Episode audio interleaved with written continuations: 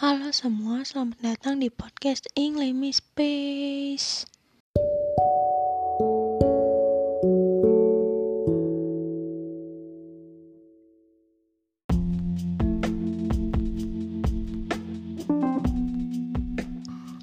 Oke, di podcast kali ini aku hanya ingin sekedar berbagi kisah dengan kalian semua tentang kebaikan yang aku dapatkan selama di pandemi COVID-19 ini. Seperti yang kalian tahu kalau COVID-19 ini udah cukup lama ya, bisa dibilang udah setahun lebih dan kita juga mau ngapa-ngapain bingung, takut.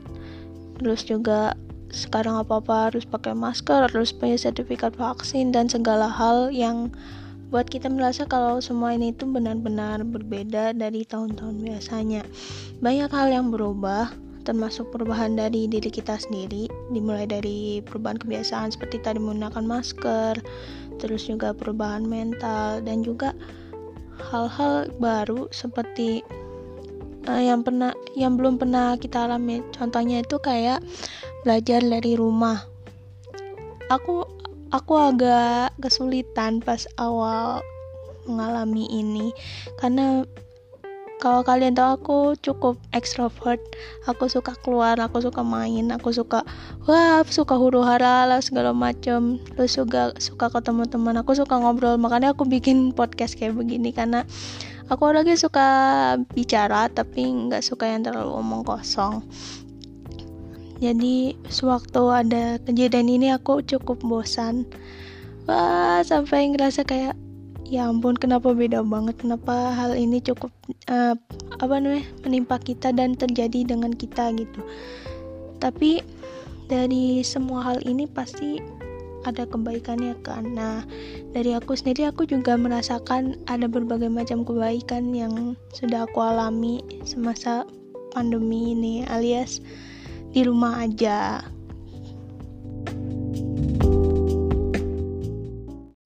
Sedikit peringatan semua ini aku ucapkan sesuai dengan opini dan juga pandanganku sendiri. Semoga kalian bijak terhadap apa yang aku bicarakan kali ini ya.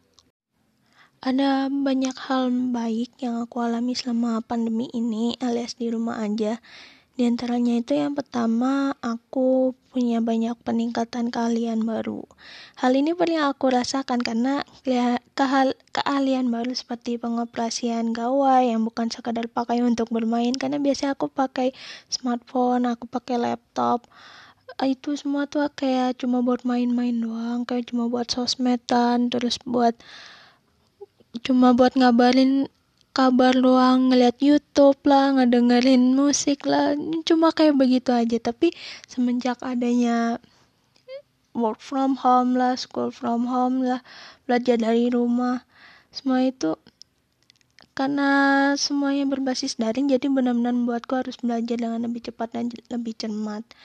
Jadi aku belajar menggunakan semua gawai ini dengan dengan baik dengan baik dan juga hmm, gimana ya jadi nggak sekedar buat main aja.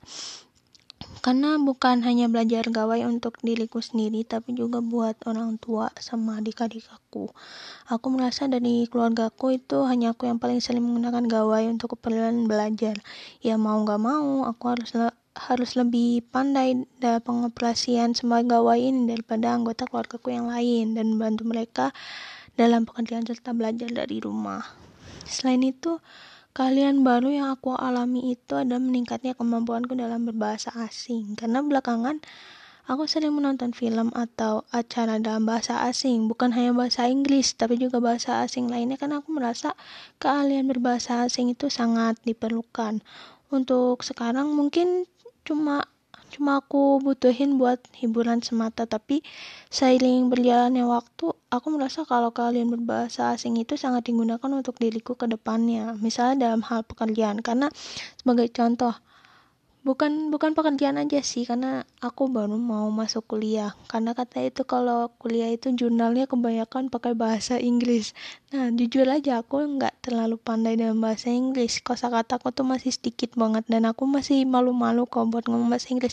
Tapi aku ada perasaan aku pengen belajar aku pengen bisa. Jadi ya mau nggak mau dong aku harus belajar bahasa asing terkhususnya bahasa Inggris selanjutnya itu kalian yang aku rasakan itu aku jadi lebih percaya diri dalam menulis sama berbicara. Karena awalnya itu aku takut buat menulis salah satunya adalah menulis opini dan juga artikel. Karena selama ini setiap aku berpendapat pasti ada yang membuatku takut. Takut dikomentarin orang lah takut kau nanti bertengkar karena punya beda pendapat. Terus juga tapi setelah aku pikir-pikir ya semua itu wajar nggak sih kalau seandainya kita tuh beda pendapat? Mungkin ada yang setuju sama aku mungkin juga ada yang nggak setuju sama aku. Dan itu hal yang wajar banget kan karena nggak semua orang itu punya pemikiran yang sama. Selain menulis pendapat aku juga mulai memberanikan diri untuk berbicara. Misalnya bicara waktu kelas daring. Kan contohnya itu karena dulu kan kita kalau presentasi itu di depan kelas karena ngeliat teman-teman gitu kan. Jadi ya mulai biasa aja. Kalau seandainya kita sekarang lewatnya daring karena tidak bertatapan secara langsung tapi juga tidak hmm, gimana ya?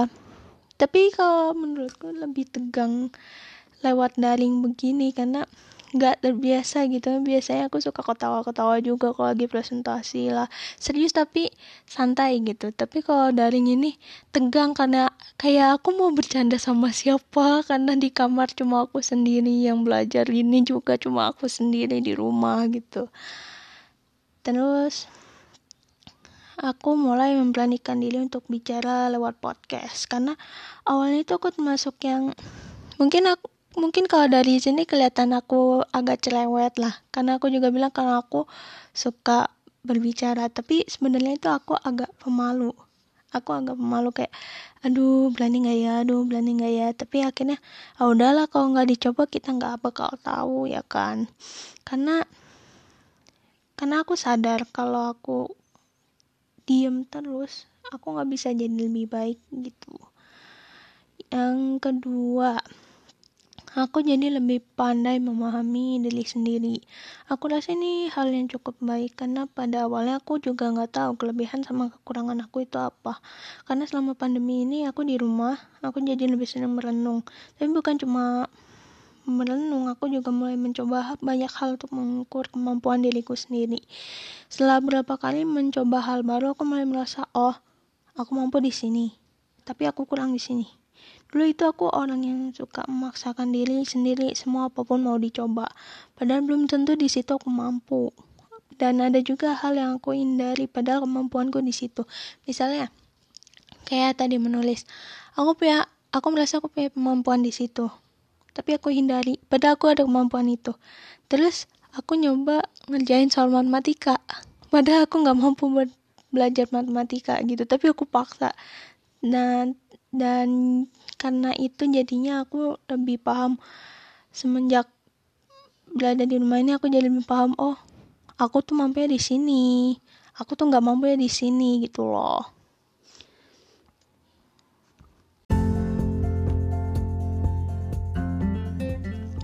Selanjutnya itu kebaikan selanjutnya yang aku rasakan adalah aku jadi lebih menghemat pengeluaran dan menghasilkan pemasukan hal yang baik lainnya itu aku jadi dapat mengendalikan diri sendiri untuk menghemat pengeluaran.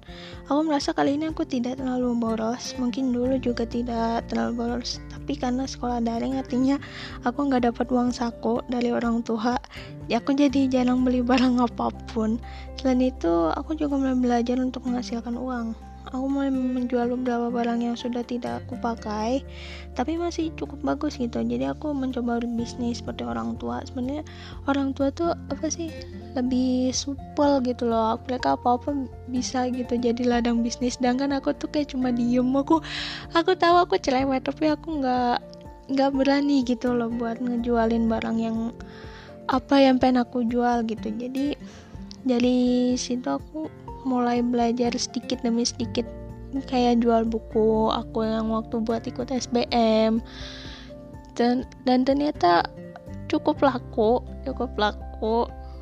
Walaupun aku jualnya emang bekas tapi ya harganya emang miring jadi laku gitu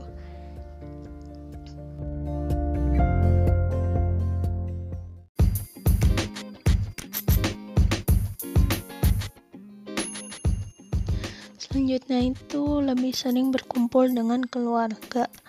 Anggota keluarga aku tuh jadi lebih sering ada di rumah gitu. Sebelumnya mereka tuh terlalu sibuk sampai jarang ada di rumah kecuali waktu malam. Nah kali ini mereka karena mereka tuh kerja dan juga adik-adik aku masuk aku sendiri itu belajar dari rumah. Kita jadi lebih sering ketemu lebih sering berkumpul dan jadi lebih sering berbincang antar sama anggota keluarga. Aku masih aku biasa beruntung karena orang tua aku masih bisa bekerja dari rumah. Karena ada juga kan yang mereka harus kerja di luar buat dapat penghasilan buat makan. Jadi gak semua orang itu bisa semua pekerjaannya itu ada di rumah gitu loh. Tapi aku ngerasa beruntung karena orang tuaku alhamdulillahnya orang tuaku tuh masih bisa kerja di rumah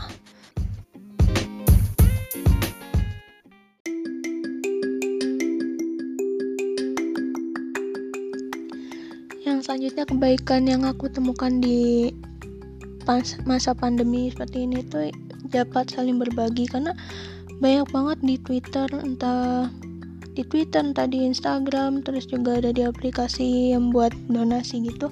Banyak banget donasi di internet yang bisa kita saling berbagi pada orang yang membutuhkan gitu. Dan juga untuk pemilik dan itu juga buat yang punya rezeki lebih gitu. Jadi bisa saling berbagi buat orang-orang yang butuhin. Hal yang cukup menarik yang aku temukan itu Indonesia menjadi salah satu negara yang dijuluki negara yang dermawan di tahun 2020 salah satu faktornya adalah dari donasi-donasi tadi. Berarti yang bisa masih dibilang gitu kalau di negara kita yang kayak gini yang tanda kutip banyak begitunya ternyata masih ada orang-orang baik juga di dalamnya gitu terkadang dari aku sendiri dari aku sendiri itu kalau ada rezeki lebih kayak misalnya ya seribu dua ribu gitu juga mulai menyisihkannya untuk mereka yang membutuhkan. Memang memang masih sedikit tapi nggak ada salahnya kan kalau kita mencoba sedikit demi sedikit gitu.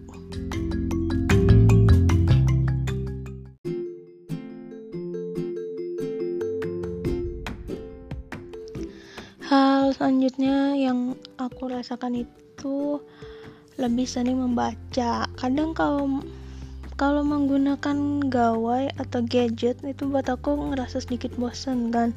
Karena yang aku lihat ya seringnya sosial media. Kalau nggak sosial media ya nonton film yang udah sering aku tonton.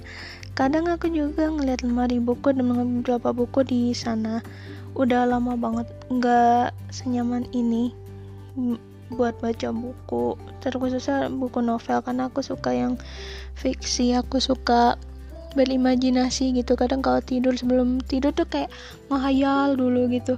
Kadang kalau dari buku itu ntar aku hayalin lagi yang lebih aku hiperbolakan gitu. Karena itu aku ngerasa lebih menyenangkan dan itu cukup hmm, gimana ya cukup menumbuhkan ide aku gitu. Kayak misalnya aku mau nulis cerita gitu karena suka terinspirasi dari situ terus ntar aku kembangkan lagi begitu.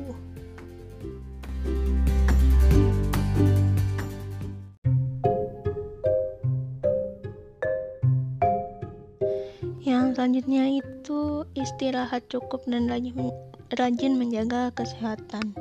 Di tengah pandemi kayak gini, tentu aja kita wajib buat menjaga kesehatan diri kita sendiri. Salah satu hal baik yang aku dapatkan adalah istirahatku kali ini menjadi lebih cukup. Karena sebelum ini alias masih sekolahnya sekolah offline kita aku sering begadang tugas terus. Tapi semenjak belajar dari rumah ini aku jadi lebih sering istirahat kayak kayak karena kelasnya jadi dipersingkat jadi siangnya bisa tidur siang lah. Karena emang tugasnya sama banyaknya kayak waktu sekolah offline. Tapi ya waktu istirahatnya jadi lebih banyak jadi aku bisa tidur siang. Kadang kalau habis bersihin rumah habis ngerjain pekerjaan rumah tuh ah enak gitu buat istirahat gitu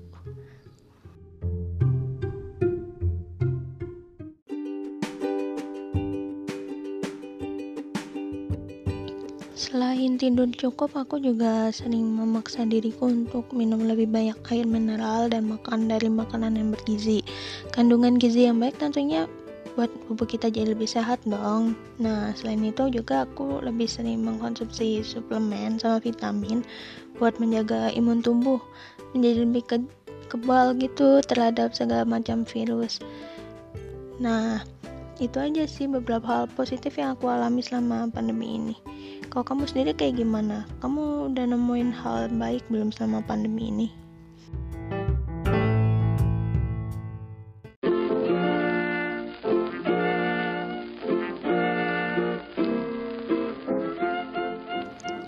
Mungkin segitu aja kisah yang aku bagiin ke kalian kali ini. Semoga kalian suka dan mohon maaf kalau ada kata-kata yang salah. Terima kasih sudah mendengarkan podcast kali ini. See you on my next podcast. Dadah.